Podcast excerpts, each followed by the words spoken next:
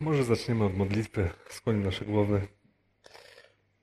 Ojcze, dziękujemy Ci za to, że możemy tutaj być, możemy być e, Twoim kościołem, że możemy się gromadzić i e, śpiewać, modlić się razem i też słuchać Twojego słowa. Jesteśmy tu po to, żeby oddawać Tobie chwałę. Dziękujemy Ci, że dałeś nam swoje słowo i dałeś nam ten fragment, który tak mocno jasno mówi o Chrystusie. I Panie, prosimy Cię, żebyś, e, żebyś oświecał nasze serca, nasze umysły, żebyśmy byli w stanie to zrozumieć i tym żyć dla Twojej chwały. W imieniu Jezusa Chrystusa. Amen. Czy zastanawialiście się kiedyś, czym jest chwała? Albo co to znaczy oddać komuś chwałę i jak można to robić? I myślę, że są na to różne odpowiedzi i ludzie od początku czasów w zasadzie próbują, czy próbowali e, w jakiś sposób e, znaleźć na to odpowiedź. Jedną z moich ulubionych gier na konsolę jest Assassin's Creed Odyssey. Czy ktoś z Was zna tą grę? Pod- Podnoszą się chłopaki, e, podnoszą ręce. Ja tutaj uśmiecham się do mojej żony. Pokażę, że, że ta gra do czegoś się przyda w końcu.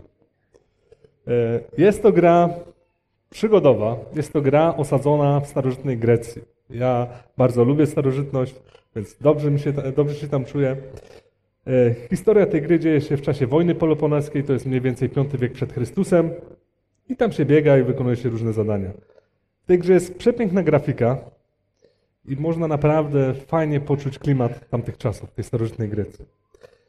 I twórcy tej gry ponoć, znaczy tak dobrze odwzorowali ten, ten klimat, że ponoć gdy, grali, gdy w tą grę grali historycy i archeologowie, to im szczęki opadały, jak to jest dobrze i jak to jest dobrze oddane, ten, ten właśnie klimat, te, to wszystko, co tam jest pokazane.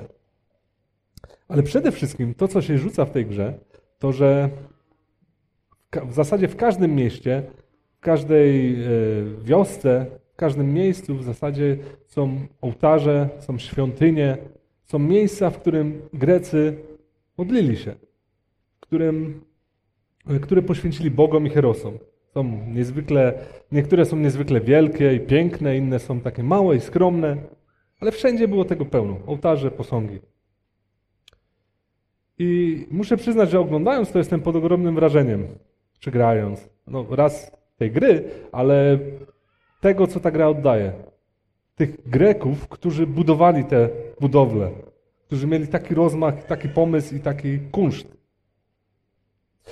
I myślę, że przez budowanie tych e, pięknych, starożytnych budowli, tych świątyń, tych rzeźb, Grecy starali się oddać Bogom chwałę. Starali się w jakiś sposób opisać tą rzeczywistość i też opisać tych bogów i ich docenić, oddać im chwałę i też w jakiś sposób zyskać ich łaski, ale też myślę, że za tym kryje się pewna pokusa.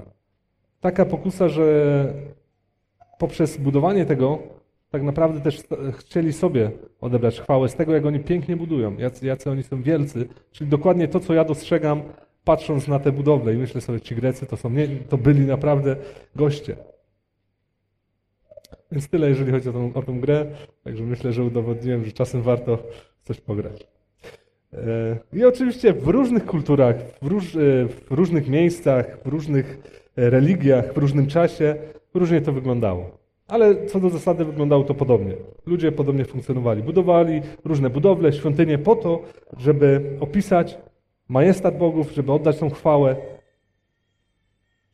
i żeby też, no tak jak powiedziałem, w zamian może pozyskać dla siebie jakąś chwałę dla swojego imienia jako budowniczego.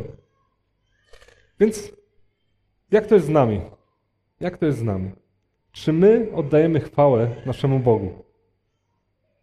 Zakładam, że nie, nie stawiamy świątyń, nie budujemy posągów, ale czy żyjemy tak, żeby oddać Bogu chwałę? Czy jeśli nasze ciało jest świątynią Ducha Świętego, jak czytamy w liście do Koryntian, ludzie, którzy nas znają i którzy nas, na nas patrzą, widzą to, że oddajemy przez tą świątynię chwałę Bogu. Że to jest ciało poświęcone na Bożą chwałę. I gdy, gdy tak pomyślimy i spojrzymy na nasze życie modlitewne, na nasze modlitwy i je przeanalizujemy, to kogo tam jest więcej? Na kim się więcej skupiamy? Na Bogu czy na nas? skupiamy się na tym, żeby chwalić Boga, żeby zgłębiać, żeby medytować Jego istotę, Jego naturę, Jego dobroć, Jego łaskę. Czy może podziękujemy, a potem przechodzimy do listy potrzeb, co dzisiaj potrzebuję, co dzisiaj ma się wydarzyć. I mówię o tym dlatego, że myślę, że mamy ten problem. Ja sam też mam z tym problem. Zarówno w modlitwie za mało poświęcam tego czasu na medytację nad boską naturą, nad Bożą chwałą, ale też myślę, że w życiu za mało myślę o tym, albo zbyt często myślimy o tym, że może moje ciało, moja sprawa, zamiast myśleć, mo, moje ciało jest świątynią Jego ducha. I chcę żyć tak, żeby oddać Mu chwałę. I to, o czym dzisiaj będziemy mówić, jest bardzo ważne. Apostoł Jan, który był jednym z, uczniem, jednym z uczniów Chrystusa, jednym z dwunastu, a nawet jednym z trzech Jego najbliższych, napisał swoją Ewangelię właśnie po to, żeby oddać Chrystusowi chwałę. Chciał pokazać Żydom, jak i Grekom, Poganom, kim tak naprawdę jest ten ukrzyżowany Chrystus. On wykazywał zarówno swoimi słowami, których używał, ale też słowami, które mówił Jezus w tej Ewangelii, że jest On odwiecznym, świętym Bogiem, Stwórcą świata, światłem, życiem i prawdą. Jest jednym, jest Bogiem w Trójcy, któremu należy się chwała. I jasno mówi, że życie wieczne, ratunek jest dostępny tylko w Chrystusie i przez Chrystusa. I ta Ewangelia jest szczególna. Ona ma inną perspektywę niż trzy pozostałe Ewangelie, które są synoptyczne, mają wspólne źródło. Jest ona napisana jakby z takiej bardziej osobistej, Janowej perspektywy, gdzie dowiadujemy się, gdzie jest mniej narracji, mniej cudów, ale więcej modlitwy, więcej e, wnętrza, można powiedzieć. Możemy zajrzeć jakby poznać emocje i uczucia tych głównych bohaterów. I ten tekst, o którym dzisiaj rozmawiamy, jest prologiem do tej Ewangelii. Jest wstępem, przedmową. I to jest niesamowity tekst. Chyba jeden z najwspanialszych prologów, jakie kiedykolwiek napisano. I Jan poświęcił te 18 wersetów, żeby pokazać, kim jest Chrystus. Jest to streszczenie Ewangelii, ale przede wszystkim na każdym kroku widzimy chwałę Chrystusa. I z jednej strony są to poetyckie, krótkie zdania, a z drugiej strony to jest bardzo ciężko, żeby je w pełni zrozumieć. I przyznam, że praca nad tym kazaniem była dla mnie wyzwaniem. Właśnie dlatego, że próbowałem pokrótce złapać i oddać treść każdego zdania, przeanalizować i zrozumieć. Efektem tego było kazanie, które było, jest, było dwa razy dłuższe niż normalnie, niż dwa razy, dwa razy więcej tekstu napisałem niż niż to, co mam przed sobą. I było, można powiedzieć, samą teologią. I ostatecznie musiałem napisać to kazanie od nowa. Ale chciałbym, żebyśmy przeszli przez ten tekst i spróbowali zachwycić się, tak jak Jan zachwyca się tym, o kim pisze. I zobaczyli blask Jego chwały. Jan poprzez ten tekst każdym zdaniu wychwala Chrystusa poprzez poezję, poprzez kontrast, poprzez nawiązania do Starego Testamentu. I jeśli prawdą jest to, co czytamy, to ten tekst nie, nie, nie pozostawia nas obojętnymi. Jesteśmy skonfrontowani. Albo jesteśmy z Chrystusem w świetle, albo żyjemy w ciemności. Zatem przechodząc już do samego tekstu. Na początku było Słowo, Słowo było u Boga i Bogiem było Słowo. Ono było na początku u Boga. Wszystko dzięki Niemu się stało i z tego, co istnieje, nic się nie stało bez Niego. Nim było życie, a życie było światłem ludzi. Światło zaś świeci w ciemności i ciemność go nie ogarnęła. Na początku było Słowo. Słowo było Boga i Bogiem było Słowo. I to jest niesamowicie mocne i jasne stwierdzenie, że Jezus jest Bogiem. Ale to nie wszystko. Dowiadujemy się, że był na początku. Od początku. Nie było momentu, w którym Jezusa nie było. Nie miał początku, był przed wszystkim. Jest przedwieczny i wieczny. Co więcej, to słowo było u Boga. I to jest coś niesamowitego. Jan pokazuje, że słowo Jezus jest odrębną osobą od Boga Ojca, a jednak łączy ich jedność. Jezus był od zawsze, właśnie jako odrębna osoba w tak intymnej relacji z Ojcem. I dalej, Bogiem było Słowo. Słowo nie jest stworzeniem, nie jest aniołem, jakimś wyższym archaniołem, jakimś, czy jakąś istotą obdarowaną mocą Bożą. On jest niczym innym jak doskonałym Bogiem, równym Ojcu, który istniał z nim od początku. I Jan, pisząc te słowa, bardzo bezpośrednio, bezpośrednio nawiązuje do Księgi Rodzaju, gdzie czytamy, że na początku Bóg stworzył niebo i ziemię. Tym samym wskazuje, że ten Bóg, Słowo, Jezus, był tam od początku, był obecny w procesie stworzenia. I też ciekawe jest to, że widzimy pewne narastanie napięcia, czy narastanie rozwoju sytuacji. Najpierw, najpierw istnieje, istnieje Słowo przed zaistnieniem świata. Następnie ma szczególną relację z Bogiem, a na koniec jest w swojej naturze samym Bogiem. Dalej czytamy, że wszystko dzięki Niemu się stało i z tego, co istnieje, nic się nie stało bez Niego. Zatem Jezus nie tylko był przy stworzeniu, ale stało się to przez Niego. Gdy dalej przeczytamy Ewangelię Jana, dowiadujemy się, że Jezus często mówi o tym, cokolwiek Ojciec czyni, On czyni. Tu mamy to samo. Jezus od początku współpracował z Ojcem w dziele stworzenia, w doskonałej jedności we wszystkim. Najmniejsza rzecz nie została stworzona bez Chrystusa. Jasno wskazuje na to, że nie może być stworzeniem, ale Bogiem. I apostoł Paweł w liście do Kolosan pisze w taki sposób w pierwszym rozdziale. On jest obrazem niewidzialnego Boga, praprzyczyną wszelkiego stworzenia, ponieważ w nim zostało stworzone wszystko w niebie i na ziemi, to co widzialne i niewidzialne, trony oraz rządy, zwierzchności władze. Wszystko zaistniało przez Niego i dla Niego. Takich fragmentów znajdujemy więcej w liście do Koryntian, w Hebrajczyków, w objawieniu. Całe pismo o tym świadczy. Dalej czytamy, że w nim było życie, a życie było światłem ludzi. Światło zaświeci w ciemności i ciemność go nie ogarnęła. Chrystus od zawsze jest, był i jest światłem i ratunkiem dla ludzi. Dla świata pogrążonego w ciemności i odrzucającego Boga. Świata skupionego na grzechu. Jan znowu nawiązuje bezpośrednio do Księgi Rodzaju, gdzie wobec panującej wszędzie ciemności Bóg stwarza światłość i kontynuuje dzieło stworzenia w światłości. Jezus był na początku stworzenia, a tutaj jest również tym, który daje życie, nowe życie. Był przy starym stworzeniu, które jest stwórcą nowego stworzenia. Życie dostępne jest tylko w Chrystusie. I jeszcze jedna rzecz, która tutaj się przybija. Ciemność nie przemogła tej światłości. Mimo osaczenia, mimo tego, że ludzie od początku odrzucają Boga. Tak wielu odrzucają Chrystusa. Nawet walczą przeciwko Niemu jawnie. Ona tego nie przemogła. Paweł w liście do Efezjan pisze, że przed Chrystusem my byliśmy w ciemności. I wczoraj przeczytałem e, ciekawy artykuł o tym, że 100 lat temu bolszewicy w Rosji przeprowadzili sąd nad Bogiem. Gdy doszli do władzy, stwierdzili, że trzeba osądzić Boga, więc przeprowadzili sąd. Oskarżyli Boga o przestępstwa przeciwko rodzajowi ludzkiemu. Byli prokuratorzy, był sędzia, byli obrońcy, było pięć tysięcy żołnierzy jako świadkowie. Usadzono Biblię jako symbolicznego e, oskarżonego. Proces zakończył się skazaniem e, winą oskarżonego, skazaniem Boga. I jako wyrok, jak to u bolszewików stwierdzono, rozstrzelania. O świcie pluton czerwonoarmistów skierował lufy w niebo i oddał kilka salw. W ten sposób rozstrzelali Boga. W efekcie tego bolszewickiego myślenia, tej zarazy, tej, tej tragedii, która dotknęła ten naród i tych ludzi, Rosja i wiele innych krajów zostało pogrążone na dziesiątki lat w ciemności. W głębokiej ciemności, krwi i cierpieniu. I w zasadzie dzisiaj widzimy też efekt tego myślenia w wojnie na Ukrainie.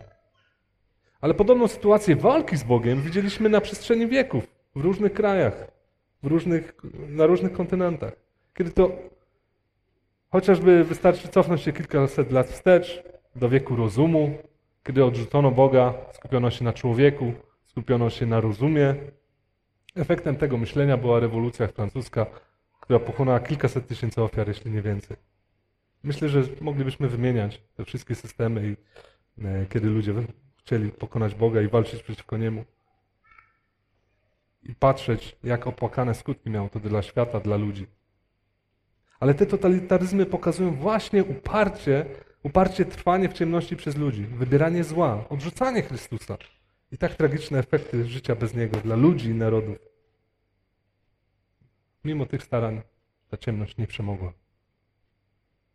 I to jest taka skala makro, ale myślę, że w skali, w skali mikro każdy z nas ma kogoś w rodzinie albo jakiegoś przyjaciela, który świadomie odrzuca światło Chrystusa, który świadomie wybiera trwanie w grzechu, który świadomie wcześniej czy później zjada te gorzkie owoce trwania w grzechu. I te początkowe pięć wersetów dają nam niesamowity obraz Chrystusa, przedwiecznego Boga, który jest inny niż Bóg Ojciec, inny niż Duch Święty, ale który jest w niesamowicie bliskiej relacji z Nim. Stwórcę, który jest dawcą życia i ratunkiem. I my jako KNS, jako Kościół na skalę, wierzymy w tą prawdę i wierzymy właśnie w takiego Chrystusa i chcemy Jemu oddawać chwałę. Jeśli nie czcimy Chrystusa na równi z Ojcem, wierzymy w inną Ewangelię i nie jesteśmy posłuszni Słowu Bożemu i rozmijamy się z prawdą. Dlatego tak ważny jest dla nas temat trójjedynego Boga, Ojca, Syna i Ducha. Od szóstego wersetu czytamy, że pojawił się człowiek posłany przez Boga. Miał na imię Jan. Przyszedł jako świadek, by zaświadczyć o świetle, by dzięki niemu wszyscy uwierzyli. Nie on był światłem, miał jedynie o nim zaświadczyć. Zatem na scenie pojawia się Jan Chrzciciel. Nie, nie poświęcę mu bardzo dużo czasu, bo za tydzień e, będziemy czytać dalej ten, te, tą Ewangelię i on też nam się pojawia, więc omówię go później. Ale kilka rzeczy tutaj chciałbym zauważyć. Po pierwsze, tekst bardzo jasno podkreśla, kim jest Jan. Jest człowiekiem. Nie Bogiem, nie światłem, nie słowem, nie aniołem, ale człowiekiem. I ten człowiek został posłany przez Boga z misją. Posłany jako świadek. Dostał konkretne zadanie do wykonania. Miał świadczyć o świetle, o Jezusie. Przygotować drogę Panu. Tak czytamy w innych Ewangeliach i u proroków. I czytamy, że on miał wskazywać na Jezusa jako nadchodzące światło, a w 15 wersecie jest jeszcze fragment o Janie, gdzie czytamy: Jan świadczy o nim w donośnym wołaniu. To o nim powiedziałem: Ten, który idzie za mną, pojawił się przede mną. Był on wcześniej niż ja. Zatem, biorąc jakby całość tego wystąpienia Jana w tym fragmencie, widzimy, że chrzciciel powtarza to, co Jan przedstawił nam w tych pierwszych fragmentach Ewangelii. Nadchodzący Chrystus, mimo że według ciała jest młodszy od Jana, to w swojej istocie był przed nim, bo jest wiecznym Bogiem, Słowem, które na początku było Boga i Bogiem było Słowo. Jan wskazuje nam wyższość Chrystusa i na Jego wieczność. I też myślę, że Jan obrazuje sedno istoty naśladowców Chrystusa. Jego uczniowie nie są kapłanami, nie są pośrednikami między Bogiem a człowiekiem, są świadkami. Mają dawać świadectwo Bożej prawdzie a zwłaszcza wielkiej prawdzie, że Chrystus jest jedynym światłem i Zbawicielem świata. I to widzieliśmy u apostołów, u apostoła Piotra w Pięćdziesiątnicy, widzieliśmy to w całym dziele życia apostoła Pawła. Bo Jan ma być środkiem, narzędziem, za pomocą którego Duch Święty przemawia i wzbudza wiarę w sercu człowieka. Narzędziem, które oddaje Bogu chwałę przez to, co robi, przez to, co mówi. Można by przyrównać Jana do świeczki albo do pochodni na której świeci ogień. On nie jest tym ogniem, on nie jest tym światłem, on jest tym, co podtrzymuje to, dzięki czemu to, dzięki czemu ludzie mogą widzieć to światło. I wracając do przykładu starożytnej Grecji, myślę, że te posągi, te świątynie z jednej strony mogły pełnić trochę taką rolę jak Jan, chrzciciel.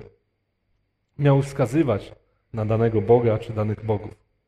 Ale z drugiej strony właśnie były okazją do odbierania sobie chwały przez budowniczych tego.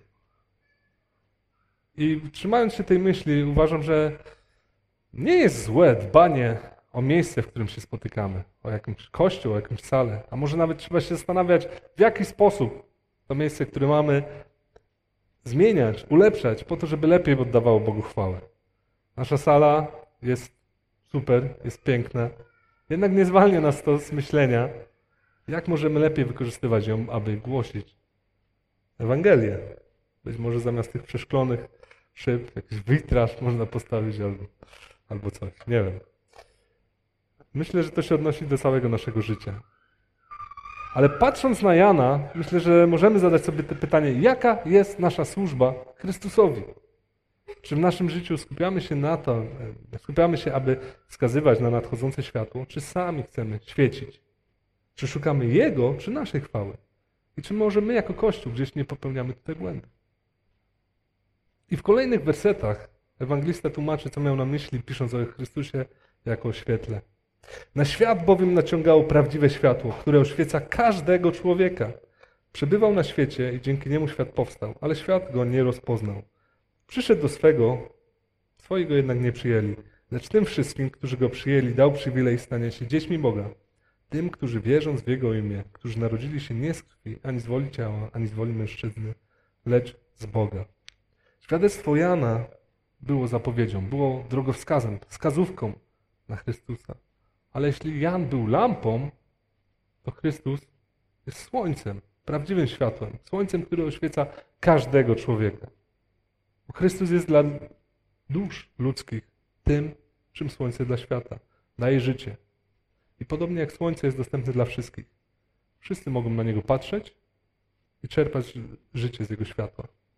Oznacza to, że każdy człowiek doświadcza światła Bożego w swoim życiu, ale wielu, prawdopodobnie większość, odrzuca to światło.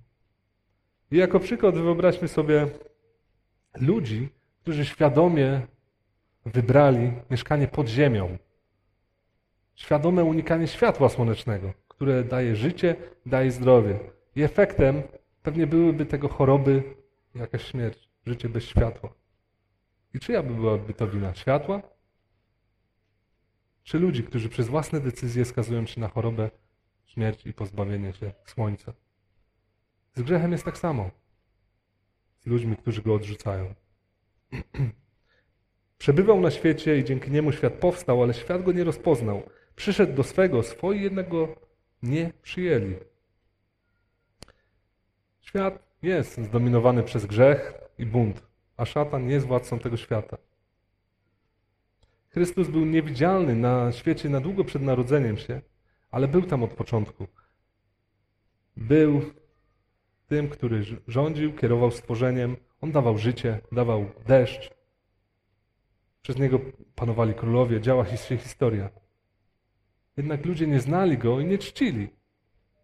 W Rzymian Paweł pisze o tym, że ludzie wybrali służyć stworzeniu bardziej niż stwórcy. Ale Chrystus przyszedł na świat w sposób widoczny, kiedy urodził się w Betlejem. Przyszedł do tego ludu, którego, który wyprowadził z Egiptu. Przyszedł do Żydów, których oddzielił od innych narodów i którym objawił się jako prorok. Przyszedł do tych samych Żydów, którzy czytali o nim w pismach Starego Testamentu i u proroków. Oni widzieli jego cienie, widzieli symbole w obrządku świątynnych, w uroczystościach. Wyznawali, że czekają na jego przyjście. Można było oczekiwać, że świat będzie kochał i czcił tego, który go stworzył. Zamiast tego nie rozpoznali i odrzucili go, zabili. Bo rozpoznanie tego wymagało od nich skruchy i nawrócenia, całkowitej zmiany spojrzenia na życie, oddania Jemu chwały. Nie chcieli zrobić tego kroku. Chcieli, aby Chrystus spotkał ich się z nimi na ich własnych warunkach. Więc nie chcieli przyjąć objawionego słowa Zbawiciela. I ten przykład z Żydami jest dosyć taki niesamowity, bo z jednej strony oni mieli pochodzenie od Adora Abrahama, mieli świątynię, mieli te obrządki, które sprawowali sumiennie. A jednak we wszystkim tym większość nie oddawała Bogu chwały. Nie znała Boga. Zatem można poświęcić czemuś życie, włożyć to sporo wysiłku i robić to dla siebie. A jak to jest dzisiaj?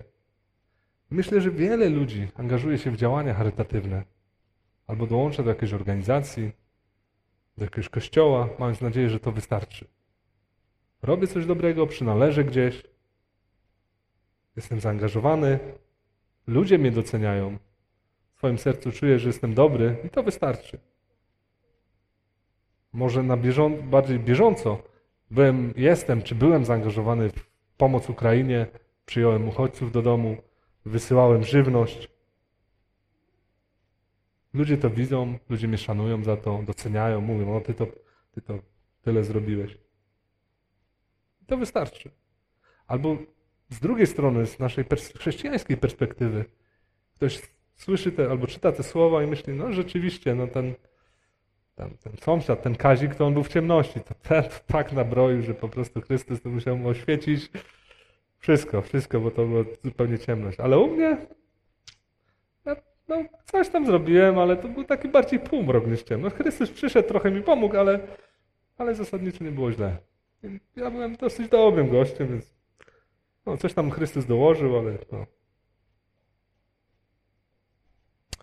Więc myślę, że, że widzicie o co mi chodzi. Oddawanie sobie chwały i nie oddawanie chwały Chrystusowi. Trzymanie chwały dla siebie, nie przyjmowanie Jego dzieła, Jego jako Stwórcy. I przeświadczenie, że sam sobie mogę poradzić i nie przyjęcie Jego łaski. Większość nie przyjęła, jednak ci, którzy Go przyjęli, uwierzyli w Jego imię i zostali zrodzeni na nowo. Z woli Boga i stali się dziećmi Bożymi. Nie przez pochodzenie od Abrahama albo przez wolę kogoś, decyzję, ale przez wiarę Chrystusa. I czytamy, że dał im przywilej stania się dziećmi Bożymi. Przyjął ich członk, jako członków swojej rodziny, swojego ojca. Nadał im godność, która była sowitą zapłatą za krzyż, który on poniósł. Uczynił ich synami i córkami Pana Wszechmogącego. Wierzyć sercem w Chrystusa to przyjąć Go, a przyjąć Go to uwierzyć w Niego. Paweł w liście do Kolosan mówi, jak przyjęliście Chrystusa, tak w Nim chodźcie. Każdy, kto wierzy, że Jezus jest Chrystusem, narodził się z Boga. Czytamy dalej w Ewangelii Jana. Ale narodziny, o których tutaj mowa, są nowym narodzeniem, całkowitym, całkowitą przemianą serca i natury, który zachodzi w człowieku, gdy staje się prawdziwym chrześcijaninem. I to jest Boże dzieło, które współgra z wiarą człowieka w to, że jest grzeszny, ale że Chrystus zmarł za niego na krzyżu i dzięki temu jego grzechy są zmazane. Krew Chrystusa zmazuje jego winy, dzięki temu zostaje uratowany. Nie można być Bożym dzieckiem bez wiary w Chrystusa i oddawania Jemu pełni chwały. Słowo zatem stało się ciałem, pełne łaski i prawdy zamieszkało wśród nas i zobaczyliśmy Jego chwałę. Chwałę jako jedynego zrodzonego, który pochodzi od Ojca. W tym momencie jesteśmy nie tylko w szczytowym punkcie tego wstępu do księgi, ale także w szczytowym punkcie całej historii. Bóg wcielił się w Słowie, Bóg wcielił się i, Słowo weszło na ten świat. Stwórca stał się stworzeniem i zamieszkał wśród nas. Stając się ciałem, Jezus przyjął na siebie w pełni ludzką naturę. Pełną rzeczywistość bycia człowiekiem. Zrobił to, aby zbawić grzeszników. Nie był bóstwem olimpijskim, jak w tamtych czasach czczono, które mieszkało gdzieś na górze, z dala od swoich poddanych i mało się o nich troszczyło. Czy ktoś z Was czytał albo kojarzy mitologię Paradowskiego? Tak, to była lektura. Jest Konrad, niedawno po szkole. Ja pamiętam to z, z pamiętam tą mitologię z podstawówki i wtedy mi się podobała. Wtedy mi się podobała. Teraz z dziećmi słuchamy na audiobooku czasem, jak jedziemy gdzieś autem. Opis tego, w jaki sposób funkcjonowała religia Greków. I ja jestem po prostu zszokowany, jacy byli ci bogowie, ponieważ obraz, który tam jest przedstawiony, to są po prostu złośliwi, krwiożerczy, zazdrośni, trochę nadludzie, którzy schodzą na ziemię po to, żeby mieszać, karać, jakieś po prostu straszne rzeczy robić, że po prostu w trakcie muszę wyłączać to, bo nie chcę, żeby moje dzieci słuchały o tych bogach, co oni robili. Kto kogo zjadł, kto kogo zdradził i tak dalej, i tak dalej. Więc obraz tamtych bogów jest po prostu straszny. Ale Jezus jest inny. Jezus jest inny. I tym bardziej na tym tle to, e, to jest tak widoczne. Ale gdy stał się człowiekiem, Jezus musiał pracować, musiał jeść, musiał znosić niewygody podróży, upał słoneczny, głupotę innych ludzi, wrogość, zdradę, ale też śmiał się, też doświadczał przyjaźni, doświadczał radości, ale doświadczał też bólu, doświadczał też smutku. Płakał nad stratą przyjaciela.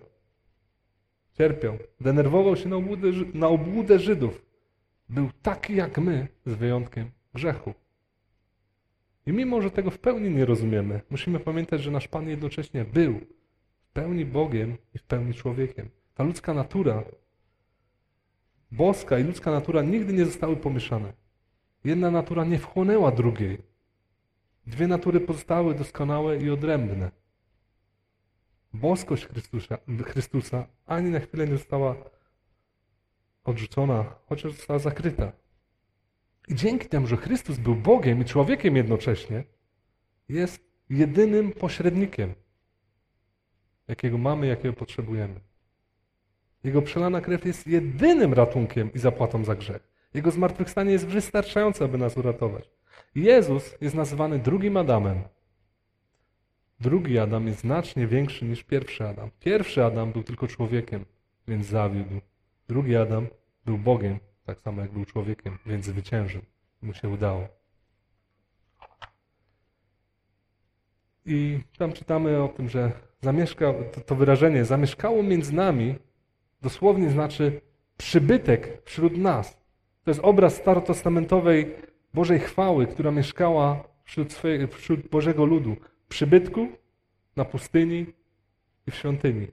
I ta Boża obecność była widziana jako słup ognia w nocy, jako obłok e, w czasie dnia, a następnie wypełniła to miejsce najświętsze, czyniąc z tego miejsca najświętszego najświętsze miejsce na ziemi. Fizyczną manifestację świętej Bożej obecności. I w Jezusie ta Boża chwała była obecna na ziemi. Był chodzącym świętym świętych. I Jan pisze o tym, że widział Jego chwałę. Widział ją w momencie przemienienia.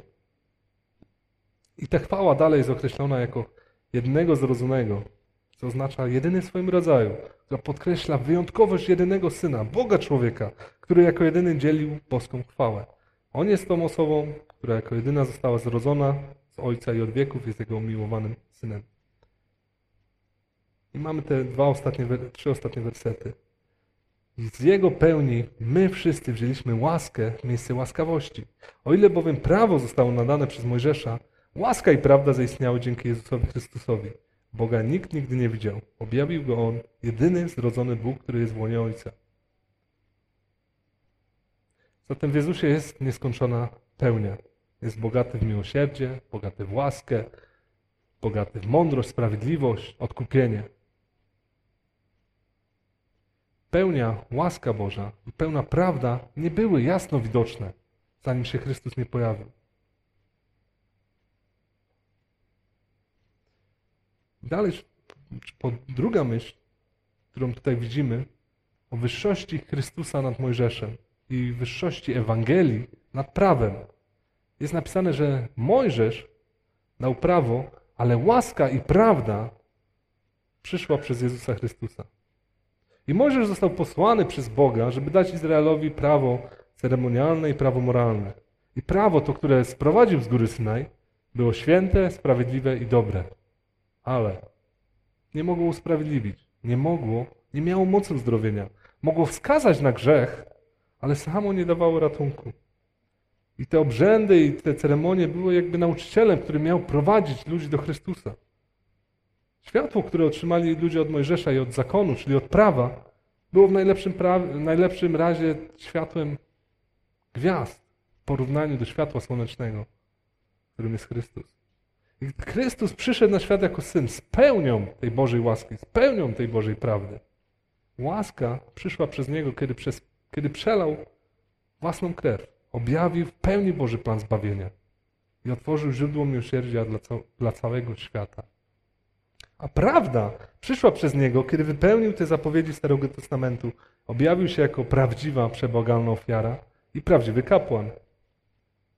Bez wątpienia pod Mojżeszem było dużo łaski i prawdy, ale cała łaska Boża i cała prawda o odkupieniu nie była znana, dopóki Jezus nie przyszedł na świat i nie umarł za grzeszników. Jezus był i jest prawdziwym rozwiązaniem i ratunkiem. I tutaj, żeby to zobrazować, przyszedł mi taki nieidealny przykład, ale coś tam obrazuje i taki współczesny, można powiedzieć, idziemy do kina, oglądamy e, zanim się film zacznie, mamy trailery czy zapowiedzi innych filmów, które mają nas zachęcić, które mają nam wskazać główne motywy, co tam się wydarzy. Są takim przedsmakiem tego.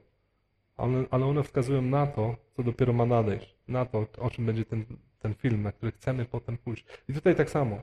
Myślę, że w jaki sposób to obrazuje tę sytuację, tę sytuację. I na koniec czytamy, że nikt nigdy nie widział Boga Ojca, ani Abraham, Mojżesz, Jozue, Dawid, Izajasz, Daniel. Wszyscy ci jakkolwiek święci, wybrani przez Boga ludzie, byli ludźmi. Niezdolnymi do patrzenia w Boga, Bogu twarzą w twarz.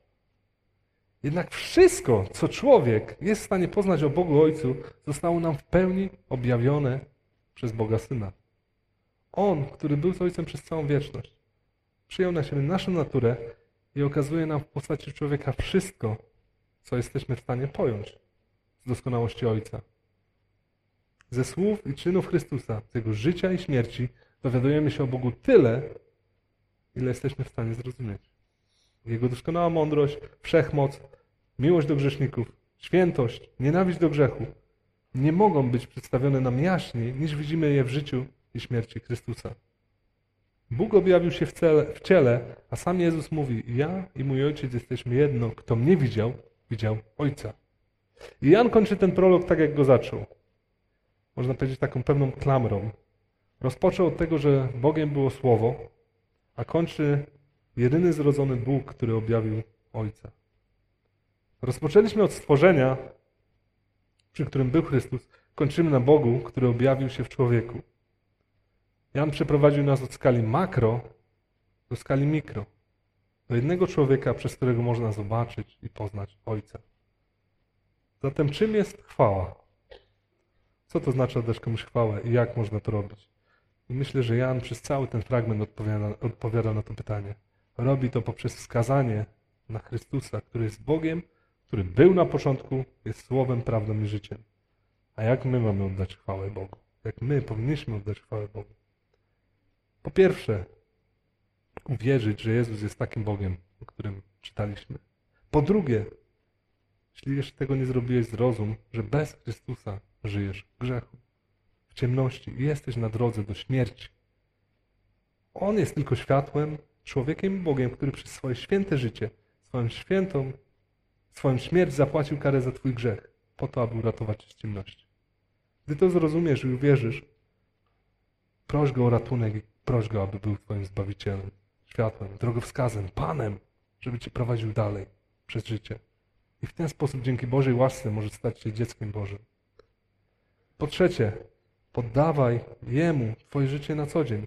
Proś Go, aby badał Twoje serce, odsłaniał, czy to, jak żyjesz, to jest życie na Jego chwałę, czy na chwałę, czy na Twoją chwałę. Jeśli to nie jest coś, co się Jemu podoba, proś Go, żeby, żeby to zmienił. Wszystkie dzieła, które budujesz w swoim życiu, niech przynoszą Jemu chwałę. Twoja rodzina, Twoja praca, Twoje myśli, Twoja służba, niech będzie prowadzona przez Ducha Świętego. A jej celem będzie wywyższanie Boga. I po czwarte, patrząc na przykład Jana Chrzciciela, głoś światło Chrystusa i ludziom pogrążonym w mroku. Jezus w Ewangelii Mateusza na końcu daje swoim uczniom, daje nam nakaz, abyśmy szli i czynili uczniami ludzi wszystkich narodów, chrzcili i uczyli ich przestrzegać wszystkiego, co On przykazał, a On będzie z nami do końca. To jest niezła obietnica. I na początku wspomniałem, że moja pierwsza analiza tego tekstu zajęła mi dwa razy więcej miejsca niż to, co przed Wami zaprezentowałem. Ale i tak zdaję sobie sprawę, że dla niektórych i tak to, co powiedziałem, było za długo i za dużo. I, ale nie mówiłem o tym, żeby się pochwalić, ile napisałem. Raczej jako zachęta, że mogło być dłużej. Ale dzielę się tym głównie dlatego, że, że studiowanie Bożego Słowa i studiowanie Jego chwały to nie jest strata czasu. Nie potrafię wyobrazić sobie czegoś lepszego niż zgłębianie właśnie Jego chwały dla Jego chwały. I wcale nie trzeba pisać kazania na ten temat, żeby usiąść z Jego Słowem i być oświecony Jego chwałą. I do tego Was wszystkich zachęcam.